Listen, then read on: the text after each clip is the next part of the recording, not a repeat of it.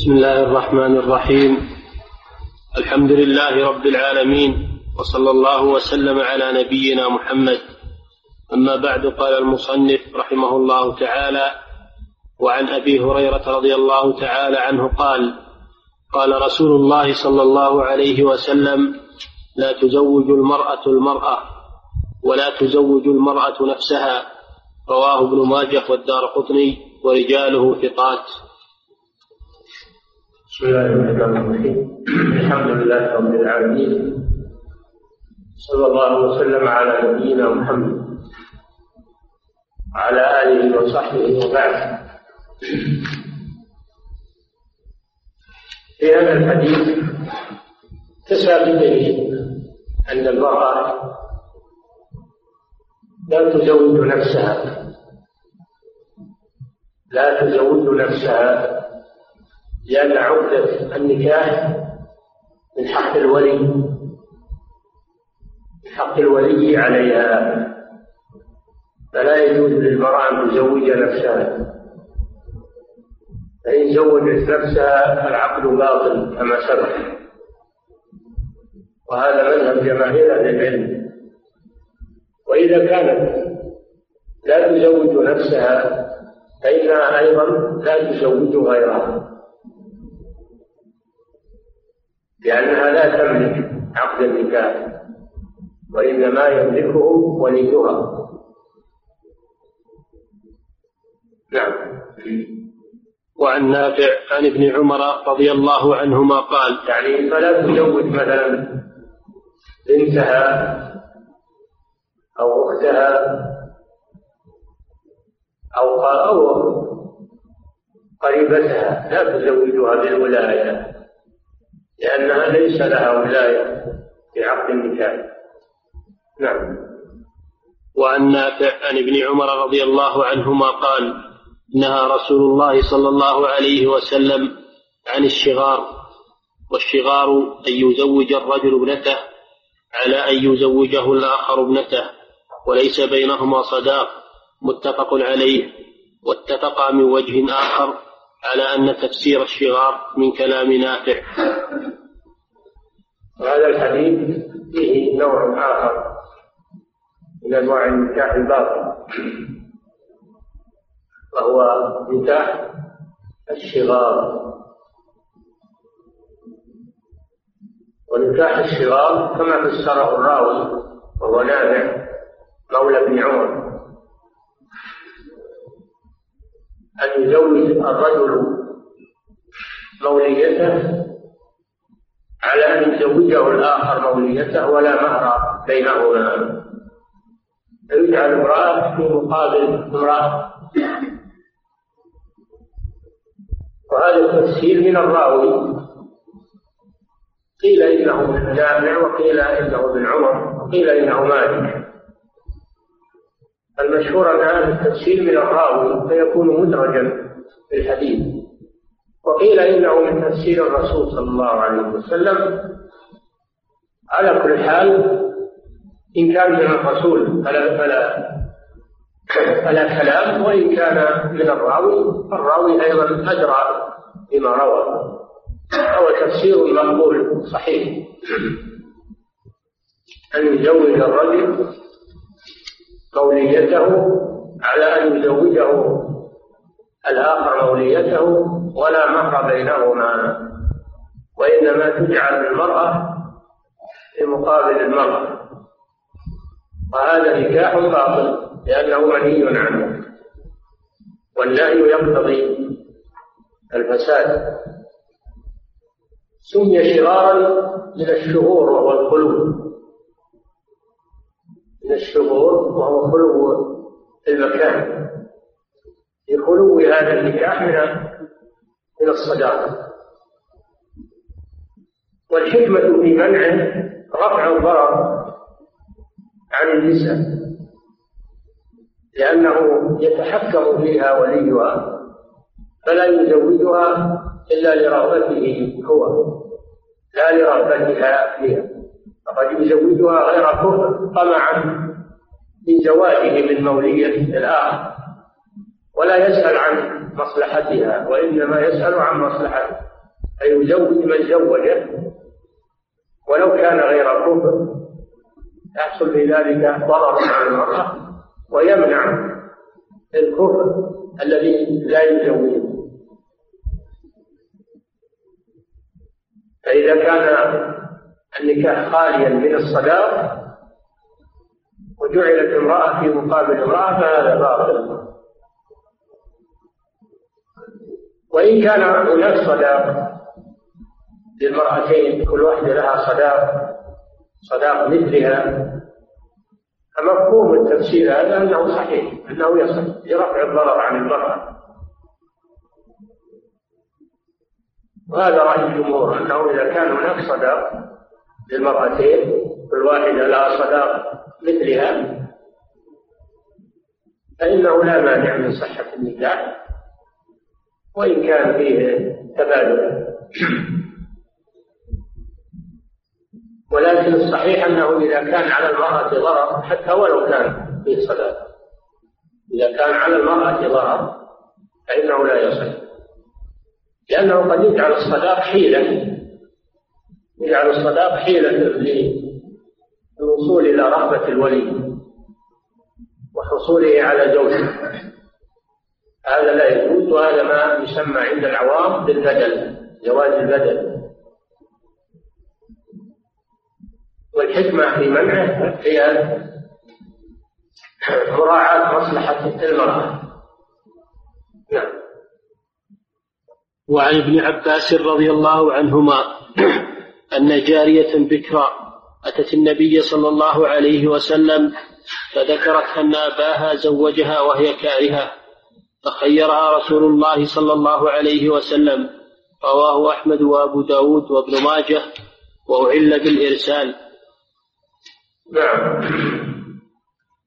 هذا الحديث أعل بالإرسال يعني أنه من رواية التابعي عن الرسول ولم يذكر الصحابة ولكن الصحيح أن الحديث متصل. بالطرق الأخرى. فلا فليس له علة. والحديث فيه أن أن جارية ذكرا. الجارية هي الصغيرة من النساء. ذكرا أي لم يسبق لها وضع بنكاح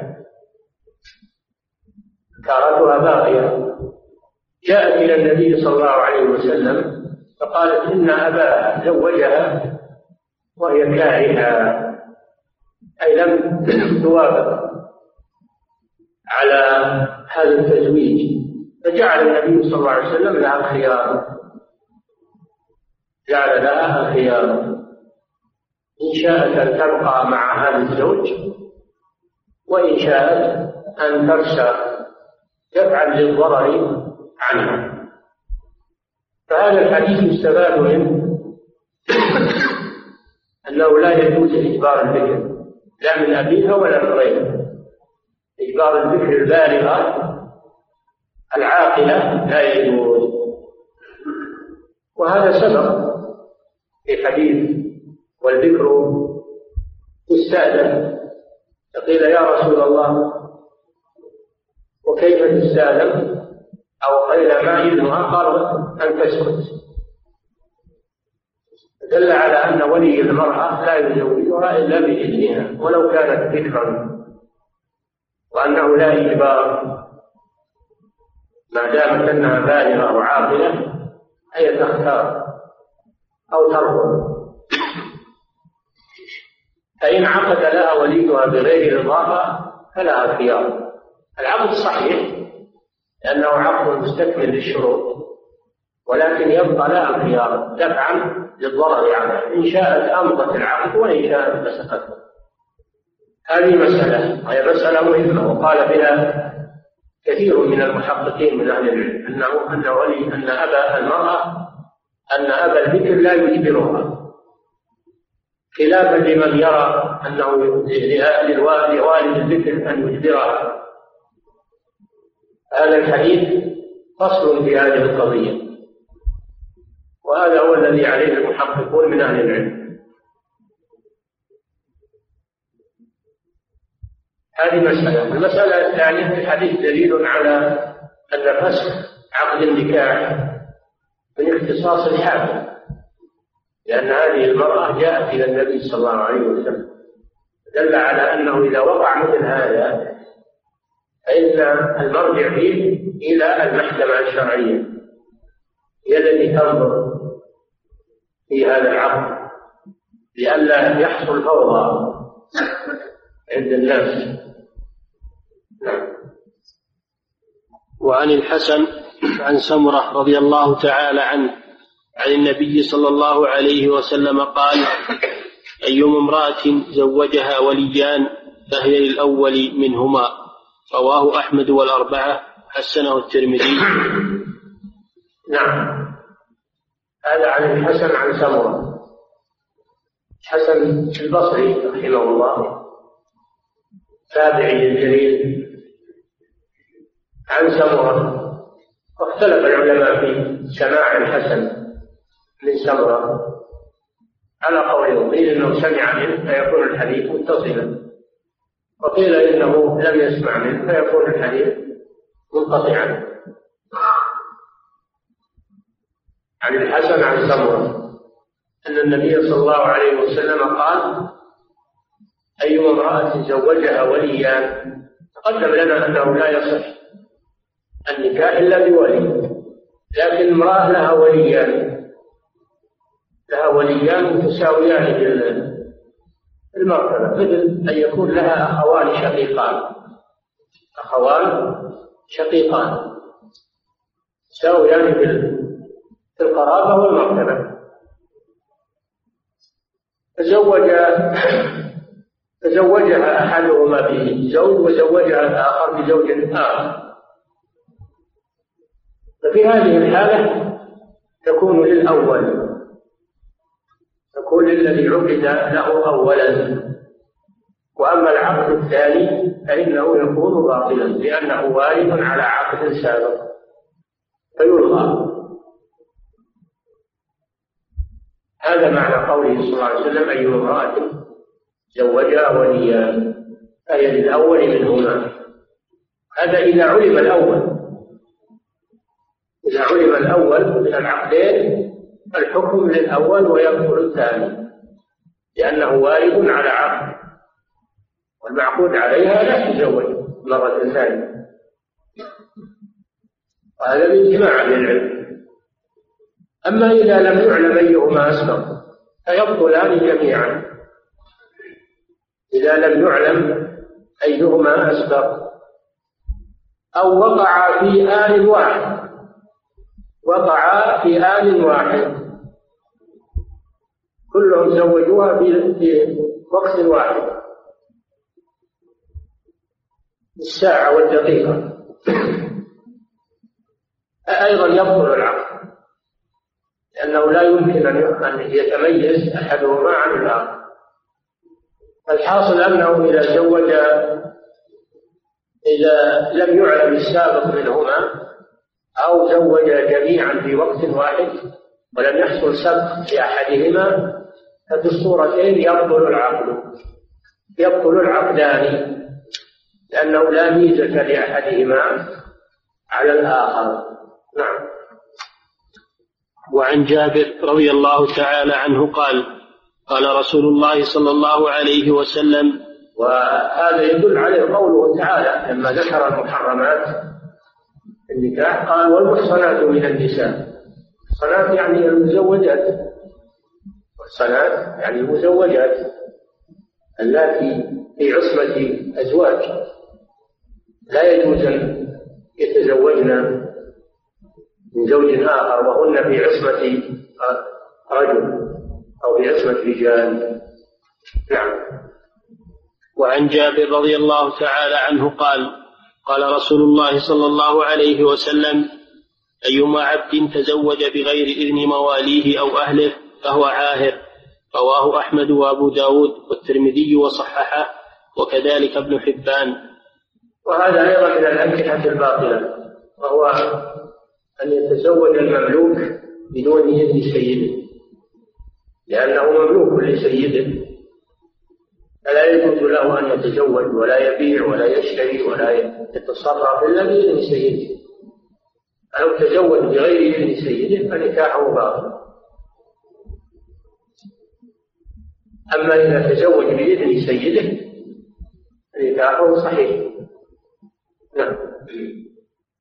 وعن أبي هريرة رضي الله تعالى عنه قال وعن أبي هريرة رضي الله عنه أن رسول الله صلى الله عليه وسلم قال لا يجمع بين المرأة وعمتها ولا بين المرأة وخالتها متفق عليه. نعم. ومن الأنكحة الباطلة الجمع بين الاختين وهذا في قوله تعالى وأن تجمعوا بين الاختين هذا بنص القرآن.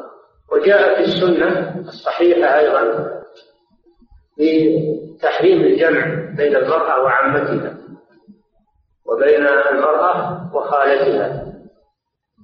هذا جاءت به السنة.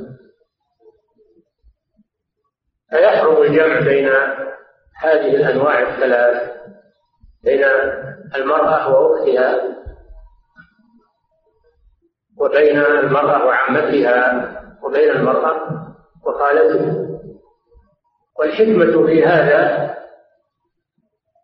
أن الجمع بين هؤلاء القريبات يسبب قطيعة الرحم.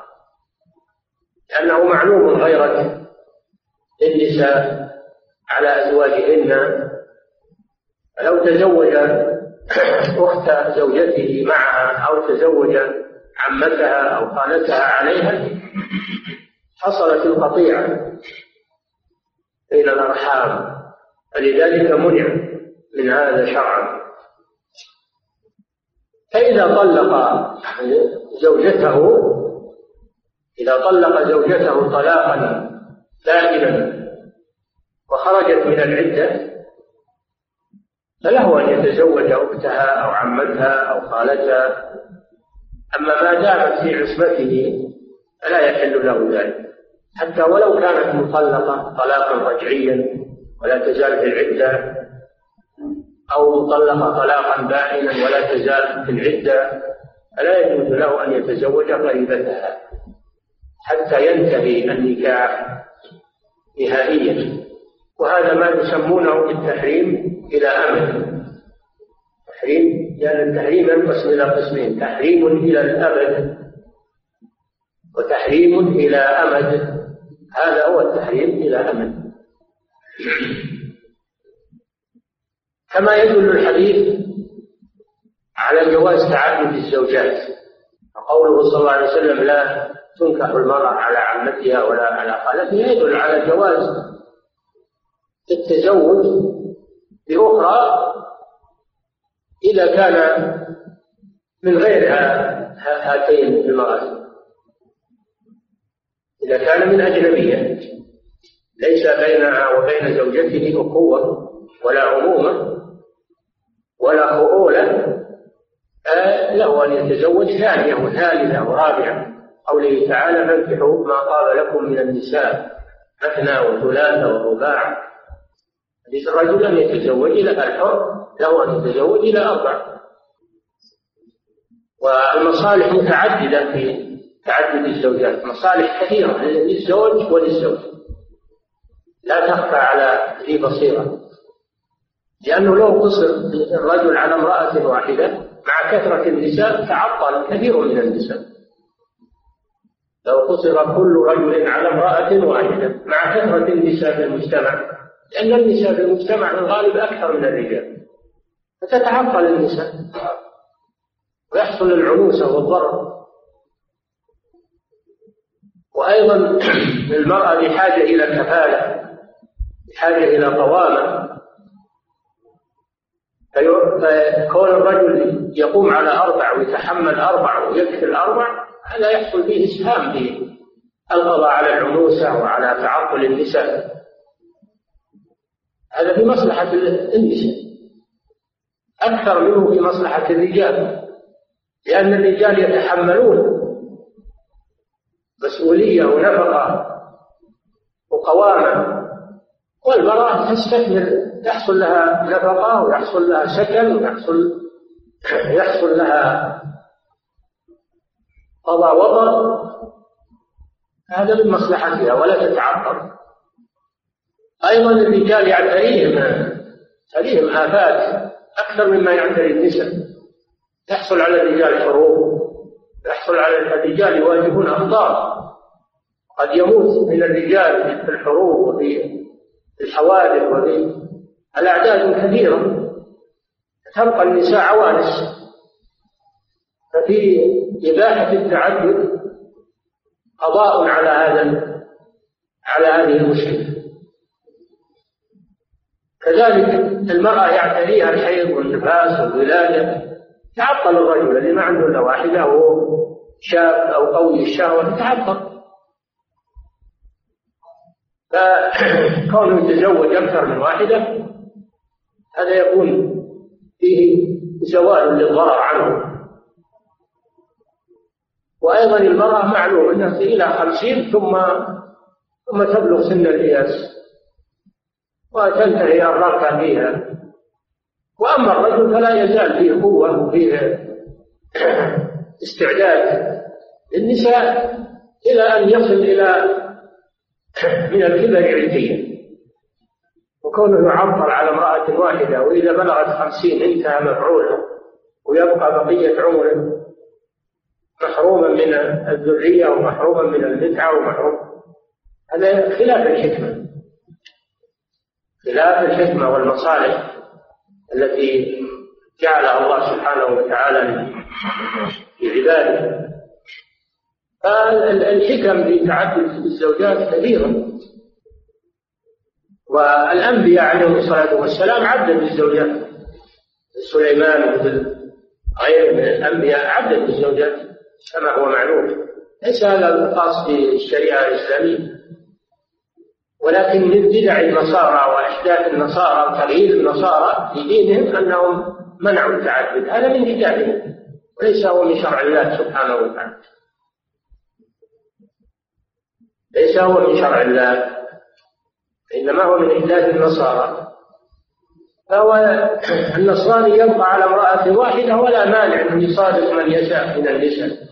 للحرام لأنهم كبتوا الزواج ذهبوا إلى الحرام والعياذ بالله. يصادق من يشاء من يسميهم صديقات. ويجري بهن. وهو مقصور بالنكاح الشرعي على امرأة واحدة عندهم.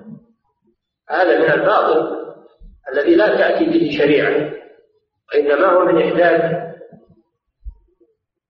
النصارى قبحهم الله. والذين يشنون حملات ضد تعدد الزوجات هؤلاء متأثرون بالنصارى ويتكلمون بلسان غيرهم.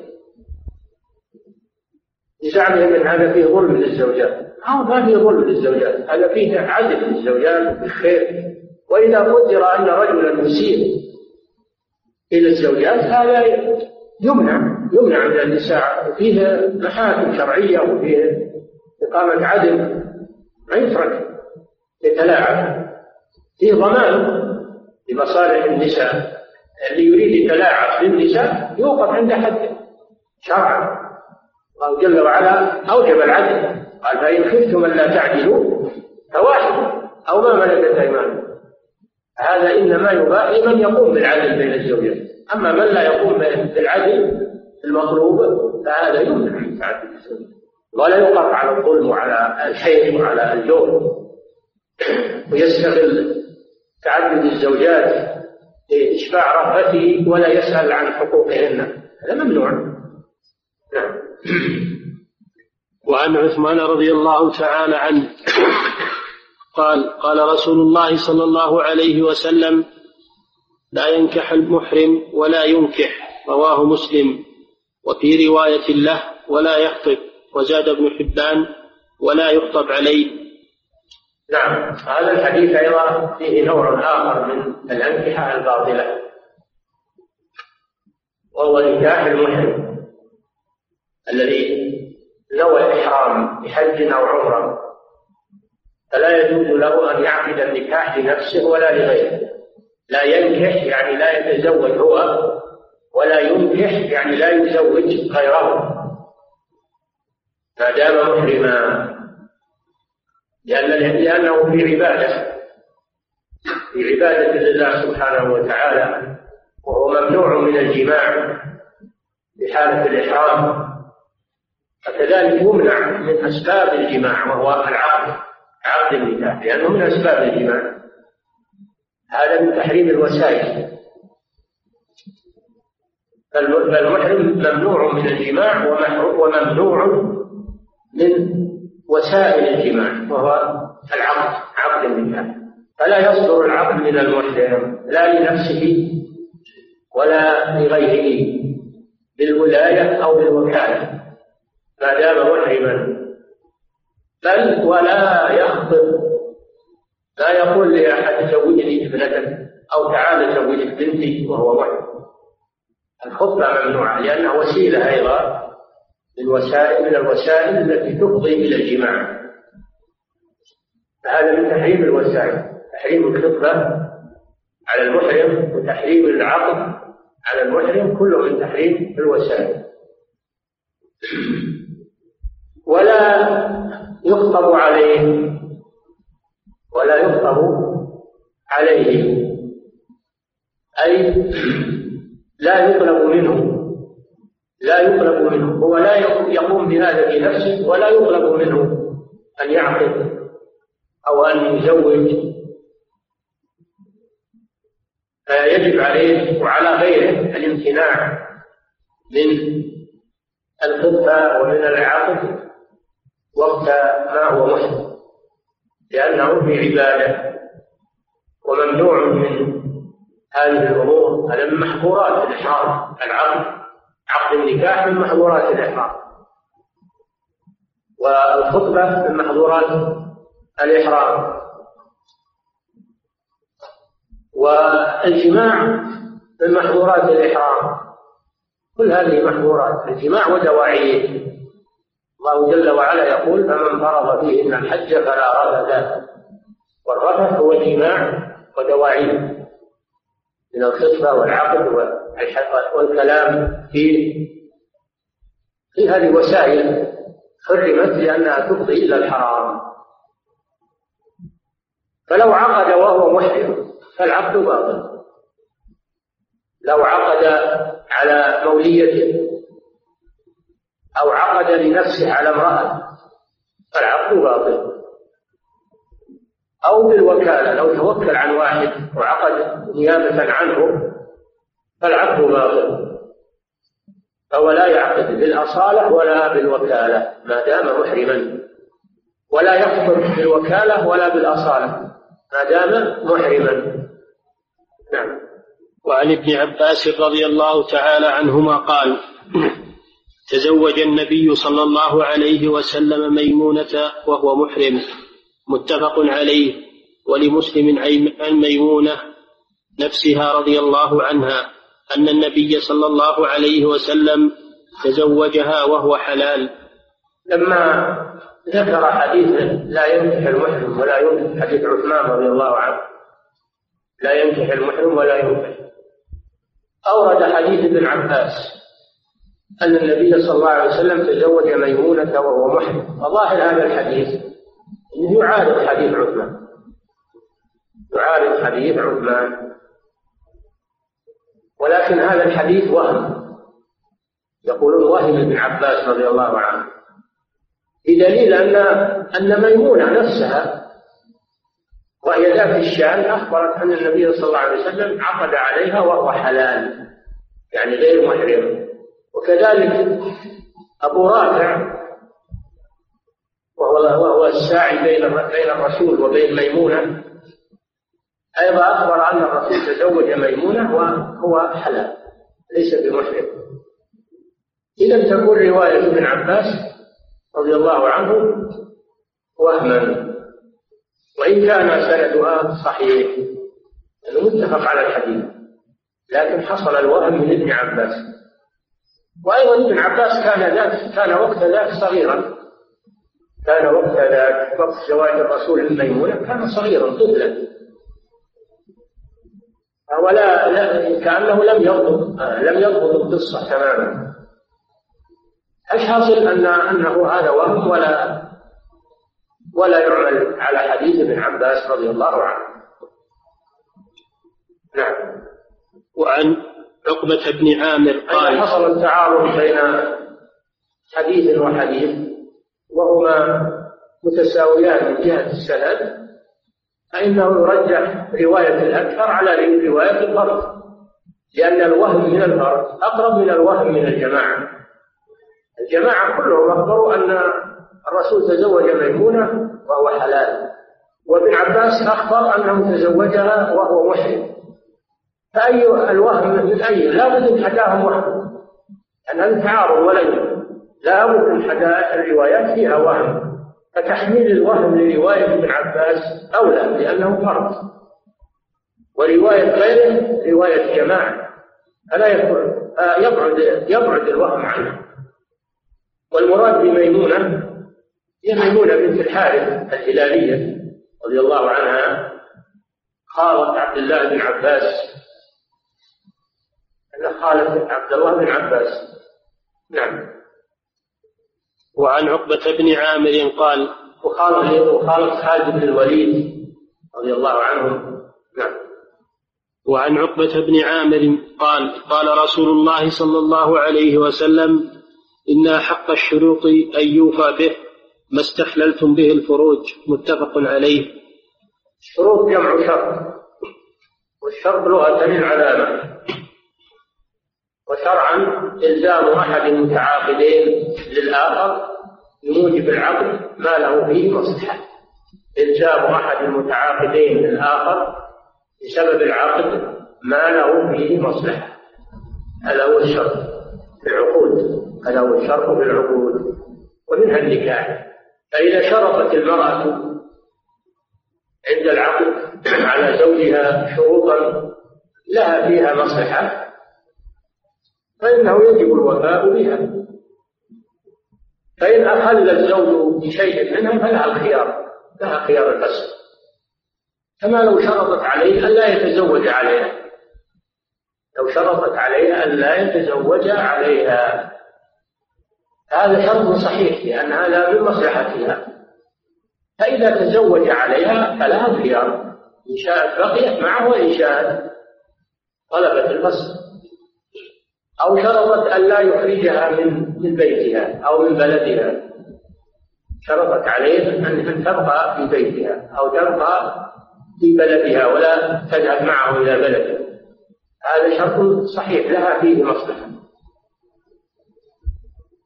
فإذا شرطت عليه شروطا فيها مصلحة لها وهي غير محرمة شروط غير محرمة فإن الشرط صحيح. ويلزم الوفاء بل هو أولى الشروط بالوفاء. هو أحق الشروط بالوفاء لأنه استحل به فرجها. استحل به فرجها.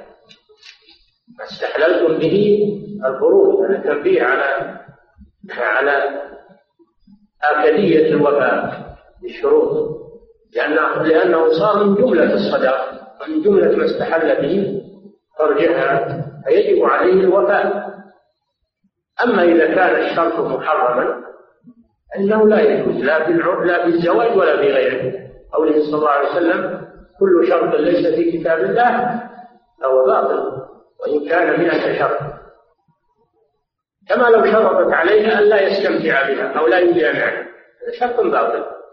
لأنه ينافي ينافي مقتضى العقد لا بمقتضى العقد أو شرطت عليه أن لا تلد وأن تأخذ موانع للحمل ولا ولا تلد هذا شرط باطل لأنه ينافي مقتضى العقد لأن من أعظم مقاصد الزواج الإنجاب. من أعظم مقاصد الزواج الإنجاب. هذا شرط ينافي مقتضى العقد أو شرطت أن الطلاق بيدها. هذا شرط باطل لأن الطلاق بيد الزوج. وليس بيدها. كل هذه شروط باطلة. تخالف كتاب الله فهي باطلة. أما إذا كانت الشروط لا تخالف كتاب الله وللمرأة فيها مصلحة فإنه يلزم الوفاء بها. بل هي أولى الشروط بالوفاء لأنه استحل بها فرجها. نعم. وعن سلامة بن الأكوع قال رخص رسول الله صلى الله عليه وسلم عام أوطاس في المتعة. ثلاثة أيام ثم نهى عنها. رواه مسلم. وعن علي رضي الله تعالى عنه قال نهى رسول الله صلى الله عليه وسلم عن المتعة عام خيبر. متفق عليه. و...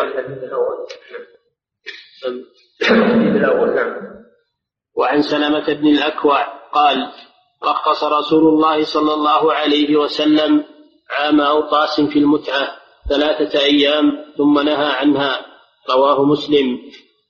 وعن وعن علي رضي الله تعالى عنه قال نهى رسول الله صلى الله عليه وسلم عن المتعة عام خيبر متفق عليه.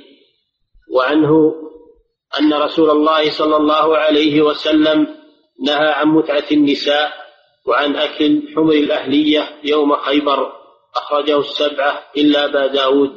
وعن ربيع بن سبرة عن أبيه رضي الله عنه أن رسول الله صلى الله عليه وسلم قال إني كنت أذنت لكم في الاستمتاع من النساء وإن الله قد حرم ذلك إلى يوم إلى يوم القيامة فمن كان عنده منهن شيء فليخل سبيلها ولا تأخذوا مما آتيتموهن شيئا. أخرجه مسلم وأبو داود والنسائي وابن ماجه وأحمد وابن حبان. هذه الأحاديث في تحريم نكاح المثل وهو من الأنكحة الباطلة.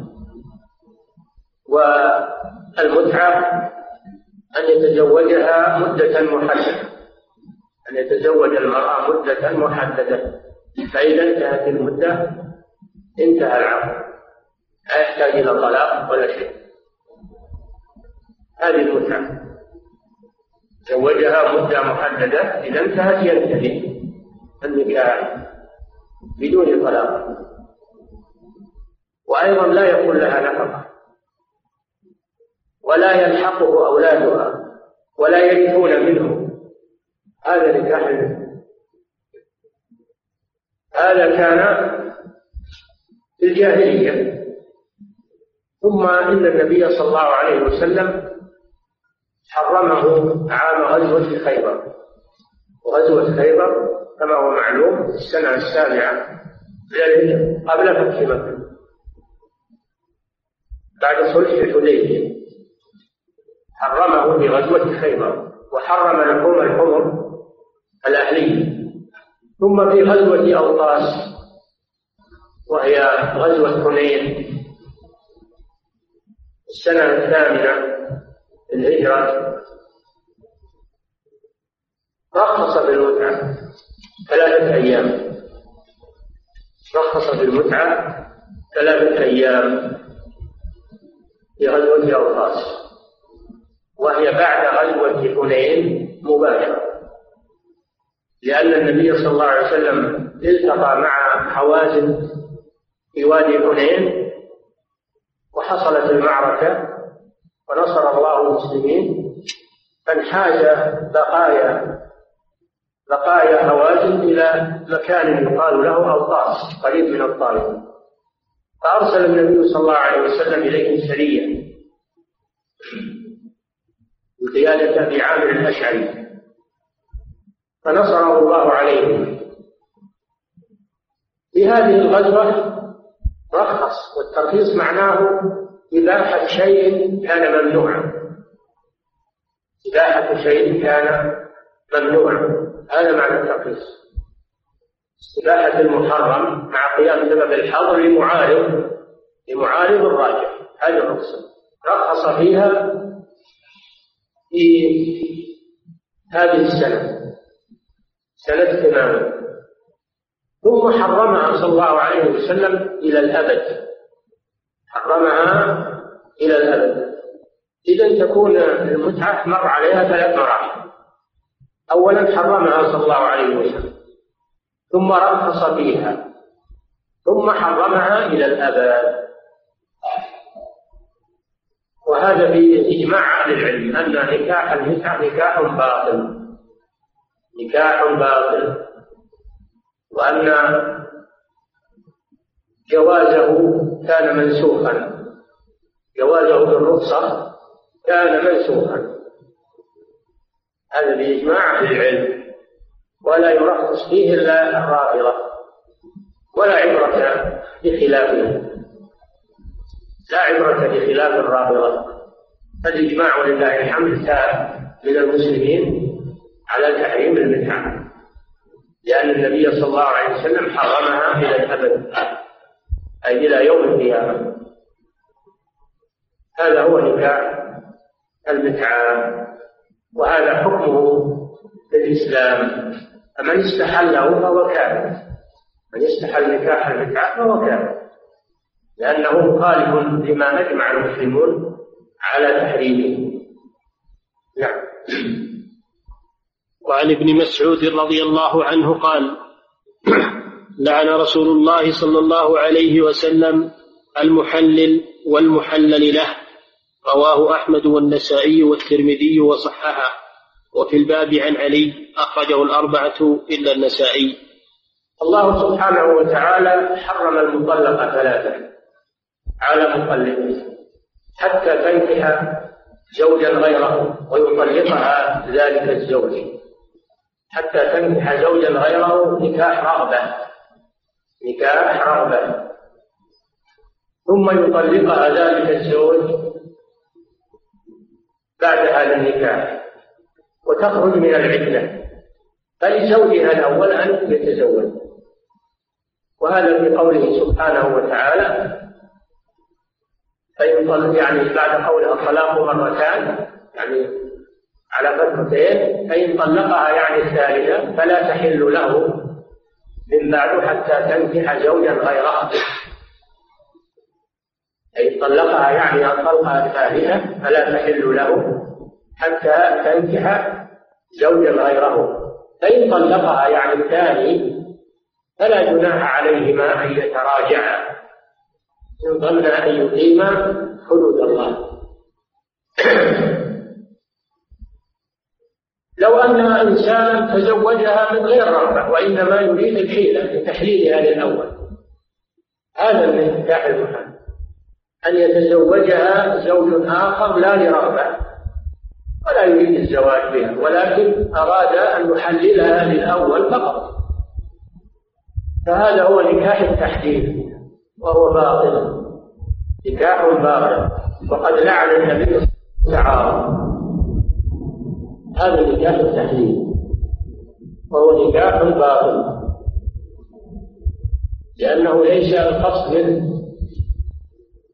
ليس القصد منه النكاح الشرعي؟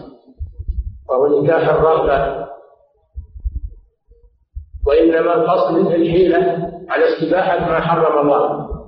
لما كان يحرم على مطلق الثلاث أن يتزوجها إلا بعد زوج آخر تحين هذا الكيس المستعار فتزوجها زواجا ظاهره الصحة. ولكن هو مقصود به التحليل للزوج الأول. فهذا باطل نكاح باطل ولا تحل به للزوج الأول. ومن فعله فإنه يستحق العقوبة الرابعة. نعم. وعن أبي هريرة قال قال رسول الله صلى الله عليه وسلم لا ينكح الزاني المجلود إلا مثله. رواه أحمد وأبو داود ورجاله ثقات.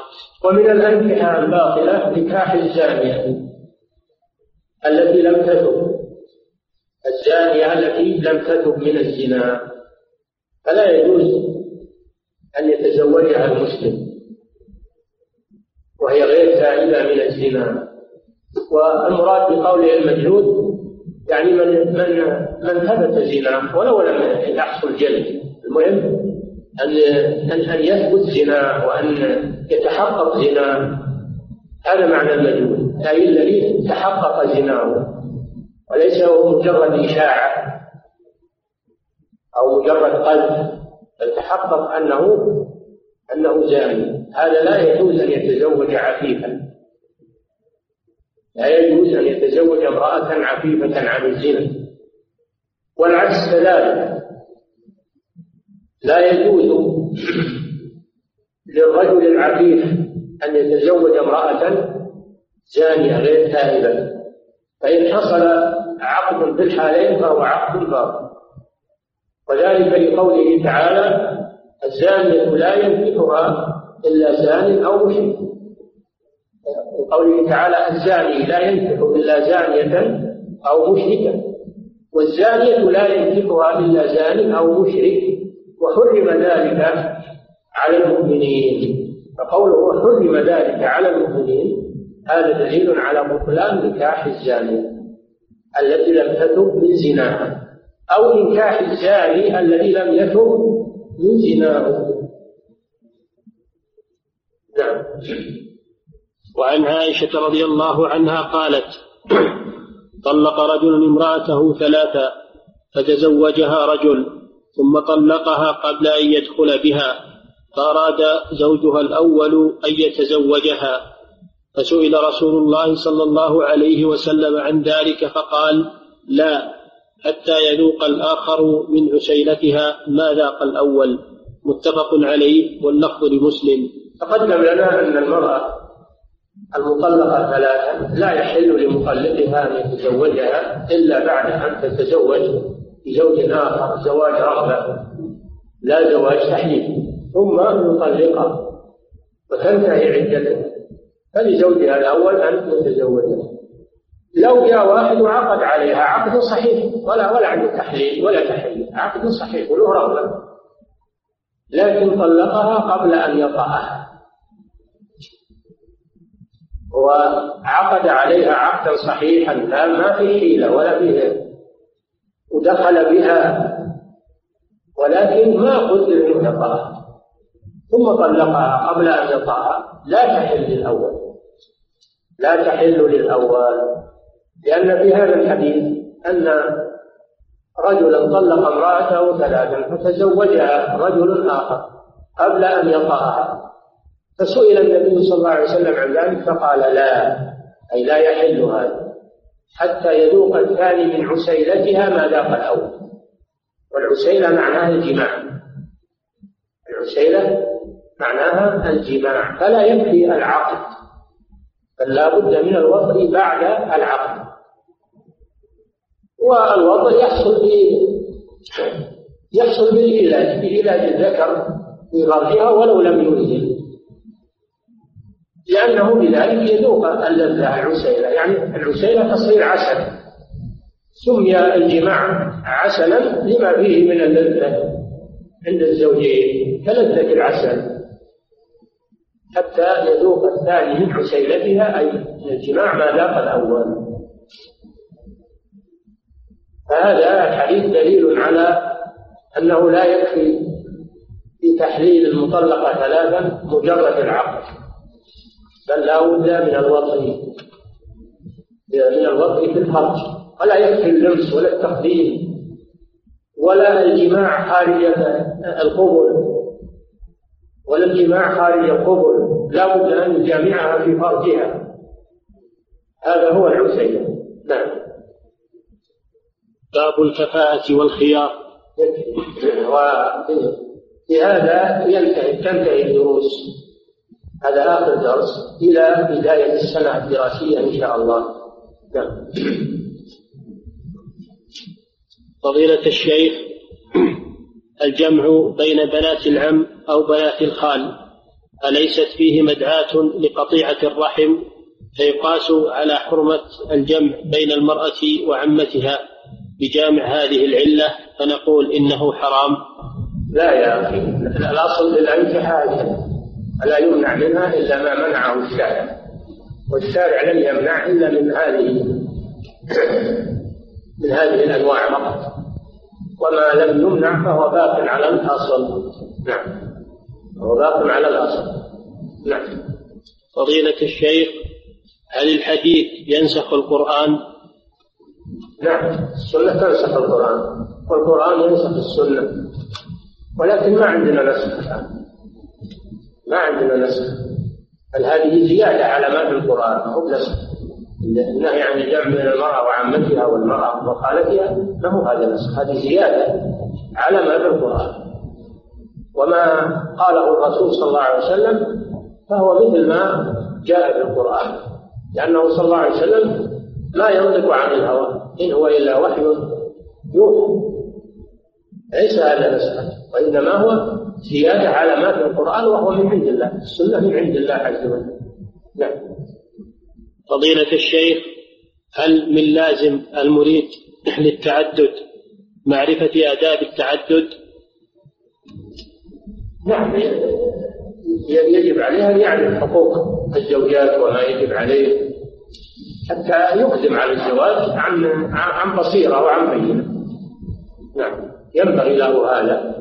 ما نقول إنه يحرم عليه يتزوج حتى يعرف لكن يقول الأولى له أن يعرف حقوق الزوجات وما يجب عليه نحو الزوجات المتعددات. نعم. فضيلة الشيخ ما حكم التعدد للمستطيع بدنيا وغير المستطيع ماديا؟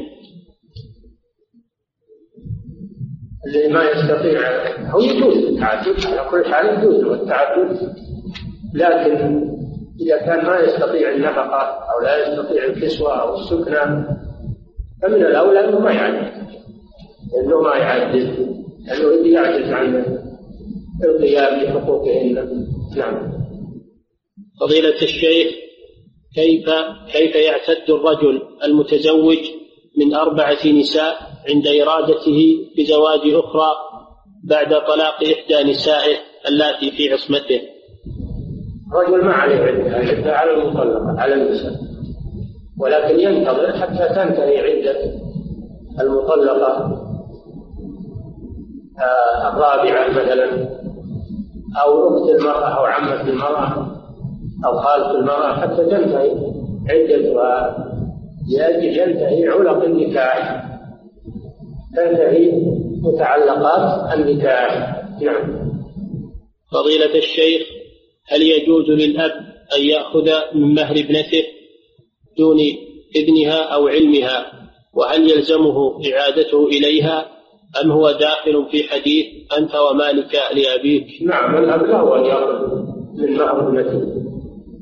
لأنها من ولده وقد قال النبي صلى الله عليه وسلم إن أحق ما أكلتم من كسبكم إن خير ما أكلتم من كسبكم وإن أولادكم من كسبكم.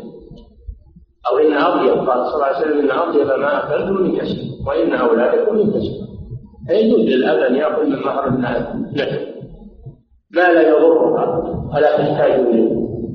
أما الذي يضرها أو تحتاج إليه فلا يجوز له أن يأخذها لأن هذا فيه إضرارا بها. أما الولي غير الزوج فلا يأخذ من مهرها إلا بإذنه. الولي غير الأب الولي غير الأب لا يأخذ من مهر موليته إلا بإذنها لأنه ملك لها وحق لها. نعم. فضيلة الشيخ هل يجوز للمرأة أن تشترط ألا يتزوج عليها؟ وهل هو من تحريم المباح؟ ما حرمت عليه المباح. لكن تقول لا يتزوج عليها لأن هذا فيه مزاحمة لها ولها فيه غرض صحيح. وله بعد تحريم للزواج وله يتزوج ولو شرطت عليه له يتزوج لكن إذا تزوج عليها أو خالف الشرط فلها الخيار نعم. فضيلة الشيخ إذا تزوج الرجل المرأة ليحللها لزوجها الأول وزوجها الأول لم يعلم بقصد ذلك الرجل فهل ينفسخ نكاحه بها؟ إذا علم أن ذلك إنما تزوجها بقصد تحليلها له. نعم. إذا ثبت قصد التحليل فالنكاح باطل. وإذا لم يعلم ولا درى ولا تبين له هذا فلا, فلا حرج عليه. لكن إذا علم فالنكاح باطل. نعم. فضيلة الشيخ إذا اشترطت المرأة طلاق ضرتها هل هو شرط صحيح؟ نهى النبي صلى الله عليه وسلم عن ذلك. شرط غير صحيح هذا. هذا شرط غير صحيح لأن النبي صلى الله عليه وسلم نهى عن ذلك وقال لا تسأل المرأة طلاق أختها لتكفأ ما في إنائها فلا يجوز هذا الشرط. أنه منهي عنه في الحديث الصحيح. نعم. فضيلة الشيخ شاب زوجه أبوه لابنة عمه وتم العقد وهو صغير السن. وتوفي والده قبل سنوات وقبل أسبوع قام هذا الشاب وطلق قبل الدخول ويقول إني لم أطمئن لهذه الزوجة وأريد غيرها مع العلم أن والده زوجه ويقول إني مجامل لوالدي. هل يأتم هذا الشاب وماذا عليه؟ لا ما يأتم. إذا أراد أن يطلق حتى لو يحبها ولو يرغبها فله أن يطلق. طلاق مباح. له أن يطلقها لا سيما إذا كان لا يرغبها وإنما جامل أباه فقط فهو لا يرغبها فله أن يطلق فضيلة الشيخ ما حكم من ذهب من عرفة قبل الأذان بعشر دقائق بعد أن رأى الشمس قد حجبتها الجبال؟ هو الكلام معلق بالأذان الكلام معلق بمغيب الشمس. إذا غابت الشمس في الأفق أو في الجبال إذا غابت في الأفق. فإنه يحين وقت الانصراف من عرفة أما إذا غابت في جبل أو في مرتفع هذا ما ما هو غروب؟ نعم. فضيلة الشيخ. سواء إذا غربت وأقبل الليل. إذا غربت وأقبل الليل من المشرق فقد حان الانصراف من عرفة ولو لم يسمع أذانا أو معلق بالأذان معلق بغروب الشمس. تحقق نعم.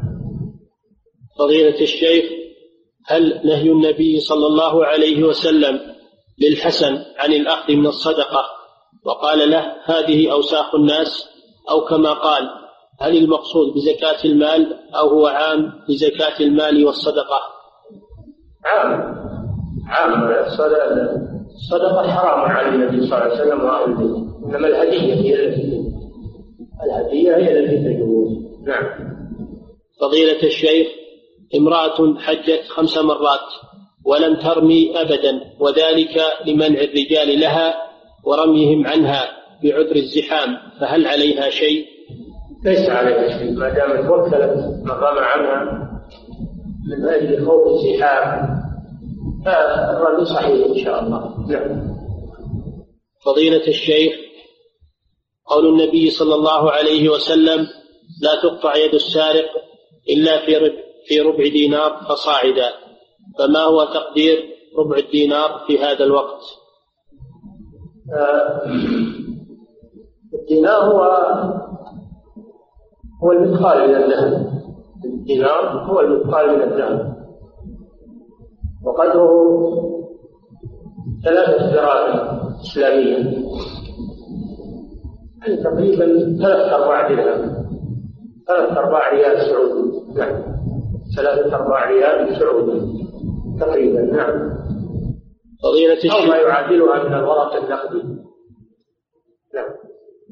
فضيلة الشيخ ما الجمع بين قوله صلى الله عليه وسلم فيما يرويه عن ربه تعالى كلكم ضال إلا من هديته.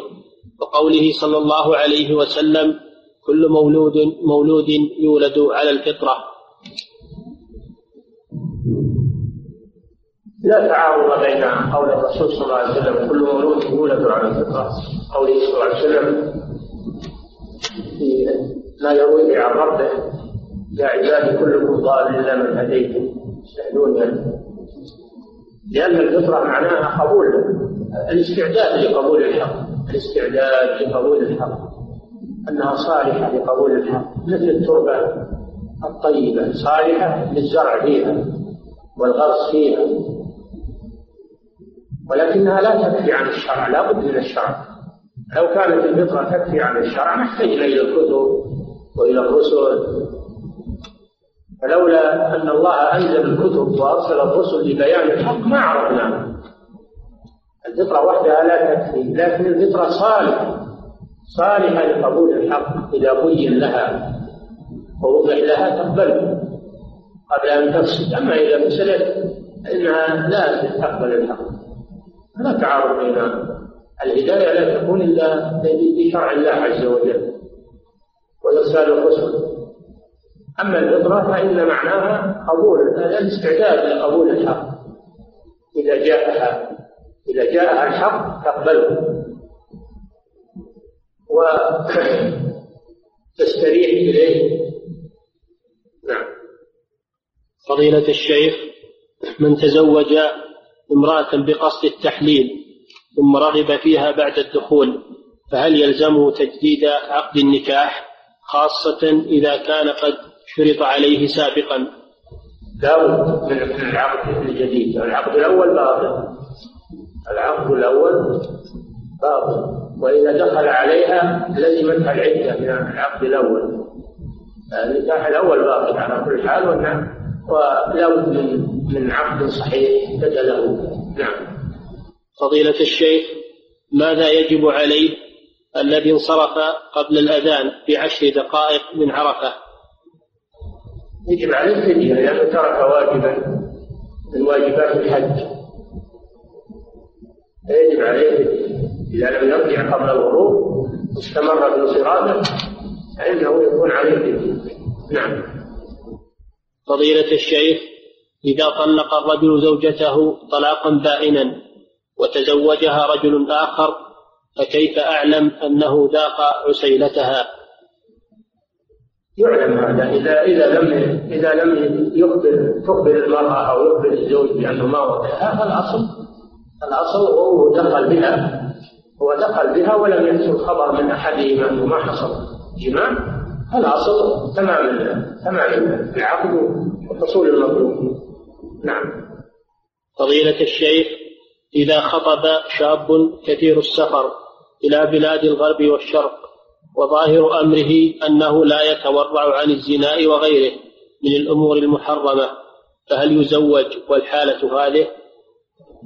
الذي لا يتورع عن الزنا ما يزوج بمؤمنة ما يزوج بمسلمة لا يجوز وحرم ذلك على المؤمنين حتى يتوب إلى الله عز وجل سواء في الخارج أو في الداخل. الزاني الذي لم يتب لا يتزوج. نعم. فضيلة الشيخ هل خروج قليل من الدم من حبوب الشباب التي في الوجه ينقض الوضوء؟ لا خروج الدم اليسير من البدن لا ينقض الوضوء إنما ينقض الفاحش. الكثير نعم. فضيلة الشيخ هل الدعاء الذي يقال بعد الوضوء يسن ذكره بعد التيمم؟ وما هو الدليل؟ نعم يسن بعد التيمم لأن التيمم بديل عن الوضوء والبدل له حكم المبدل هو طهارة هو طهارة فيقول الذكر بعده نعم. فضيلة الشيخ هل يجب إغلاق المدفأة إذا نام الشخص وتكون ملحقة بنار بالنار؟ إن كانت المدفأة تستعد بالنار على غاز على حطب هذه نعم هذه نار ولا يستقبل يكره يعني يكره أن يستقبلها. ما هو حرام ولا يبطل الصلاة لكن يكره أنه يستقبلها. أما إذا كانت المدفأة كفر على الكهرب هذا ما هو نار هذا مثل اللمبة لو كانت أمامه النجفة لو كانت أمامه ما تسمى نار هذه كذلك المدفأة مثل النجفة ما تسمى نار نعم. فضيلة الشيخ أقراص الحاسب الآلي الحاوية للبرامج الأصلية تباع بثمن مرتفع مئتين وثلاثة وألف وهم يكتبون عليها حقوق النسخ محفوظة ويشترطون ذلك عند الشراء وهناك نفس البرامج منسوخة وتباع بثمن بخس عشرة ريالات ففرق كبير بين سعر القرص الأصلي والقرص المنسوخ. فما حكم شراء المنسوخ للاستفادة من برامجه لا لغرض التجارة؟ ما يجوز شراء المنسوخ لأنه مصروف سرقة وأهل الأصل ما سمحوا ما سمحوا بأن ينسخ عليه. وهذا من أكل المال بالباطل والتعدي على حقوق الناس. لا أن تشتري هذه؟ المسروقات لو شفت مع واحد قلم سائل يجوز له تشريف أو ثوب سائل يجوز له تشريف تعلم تعلم أنه مسروق يجوز. إن هذا اكل لأموال الناس بغير حق. وهم لم يسمحوا بأن ينسخ على اقراصهم وهذا ملكهم وحقهم ولو كانوا كفارا لا يجوز أخذ أموال الكفار بغير ما أحل الله من الغنائم لا يجوز الاعتداء عليهم إلا بالقتال والاستيلاء عليها بالحق. نعم. فضيلة الشيخ ما حكم الاشتراك فيما يسمى الإنترنت لطالب العلم الذي يريد الاستفادة من بعض هذه المواقع؟ الله كل يوم يطلع علينا بلاء. الإنترنت هذا مثل مثل في فرق.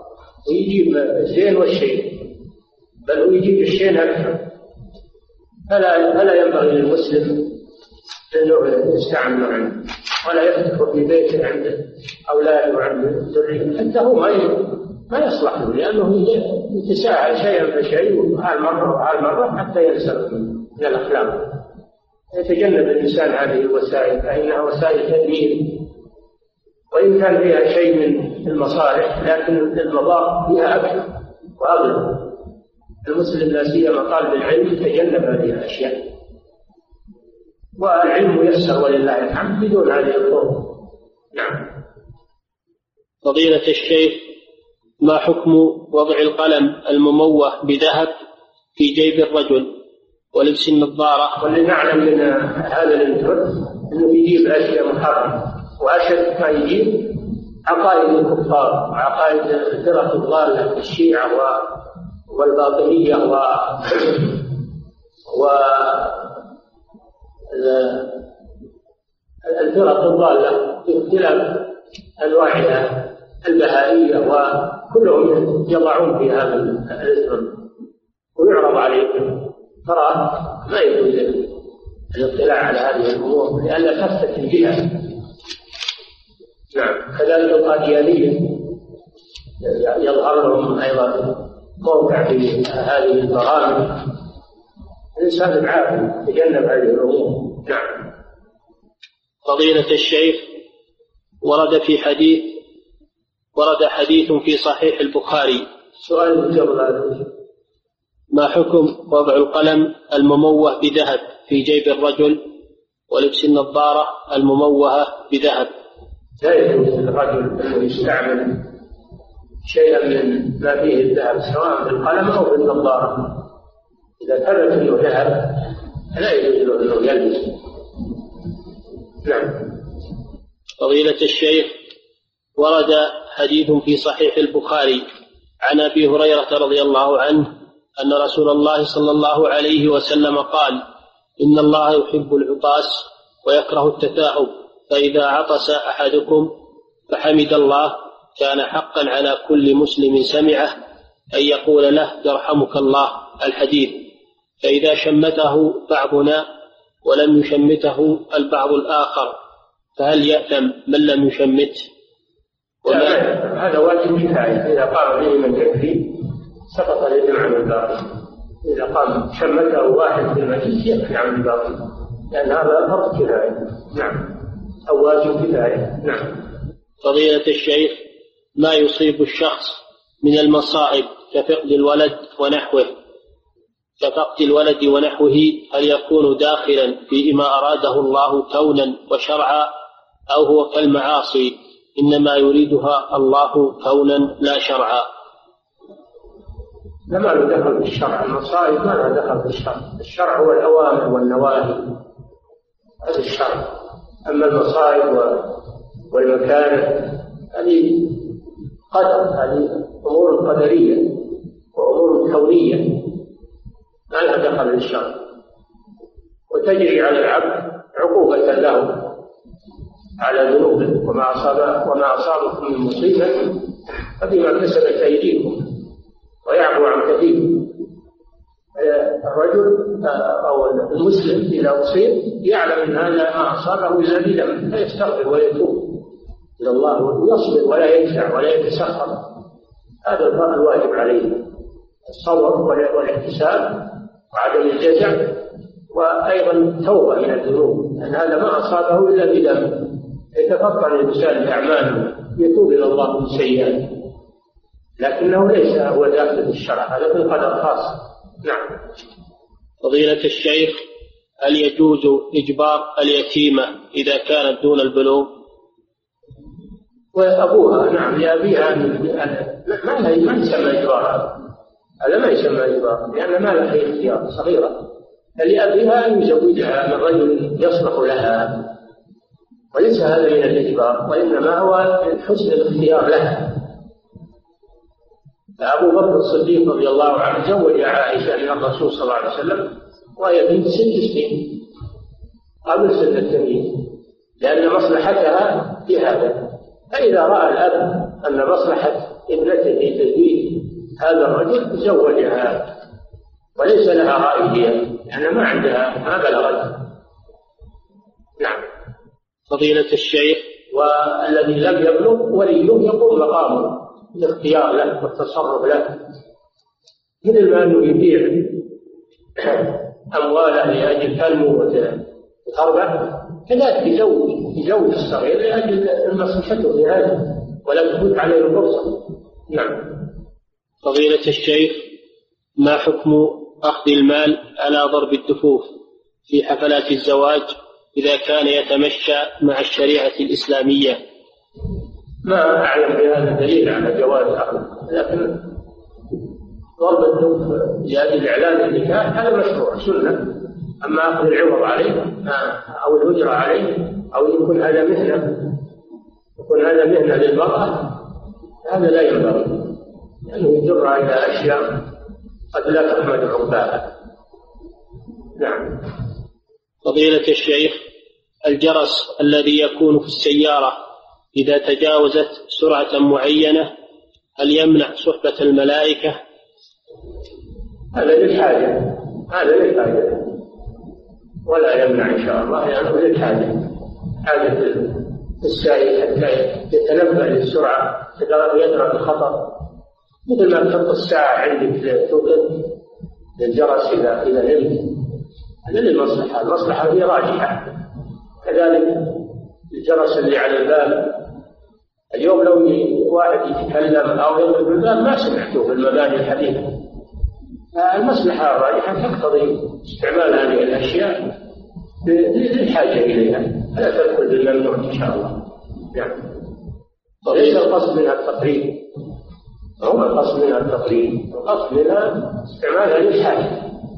ولا يقوم غيرها مقاما ما الذي يدريك عن الإنسان إذا استأذن عليه وأنت في هذه الفلة أو في هذه العمارة أو في الدور العاشر أو الخامس عشر؟ ما الذي يدريك؟ ما يدريك إلا هذا الجرس ما الذي يوقظك في صلاة الفجر؟ ما عندك أحد يوقظك إلا إلا جرس الساعة. هذه مصالح راجحة. فلا بأس بها. كذلك في السيارة. ما الذي ينبهك على خطر السرعة؟ إلا هذه الدرجة. نعم. في أحد يقول فرق ولا نعم. فضيلة الشيخ هل لبس العقال مستحب أم نعم. مباح؟ نعم. هل لبس العقال؟ مستحب أم مباح؟ مباح. لبس العقال والعمامة والغترة والطاقية. مباح. الملابس الأصل فيها الحل إلا ما دل الدليل على على التحريم أي من المباحات. نعم. فضيلة هذا يشبه فيه تشبه بالكفار أو تشبه الرجال بالنساء أو تشبه النساء بالرجال فالأصل الإباحة نعم. فضيلة الشيخ هل للعذر بالجهل شروط معينة؟ الجهل على قسمين، جهل يمكن زواله ولكن صاحبه ما سعى في ذلك، هذا لا يعلم. بين الإنسان عند المسلمين وبين العلماء ولا ولا راح يتعلم ولا راح يسأل ولا هذا ما هو معلوم. لأنه يمكن زوال هذا الجهل. لكنه ما سعى في إزالته أما الإنسان الجاهل ولا يمكن إزالة هذا الجهل ما عنده أحد يعلمه ولا يتصل له أحد هذا معذور إلى حين يزول هذا المانع نعم. فضيلة الشيخ هل يجوز للرجل أن يتفق مع امرأته أن يعطيها صداقها إذا لم يتفق على ذلك مع وليها عند العقد؟ نعم. هل يجوز للرجل أن يتفق مع امرأته يعطيها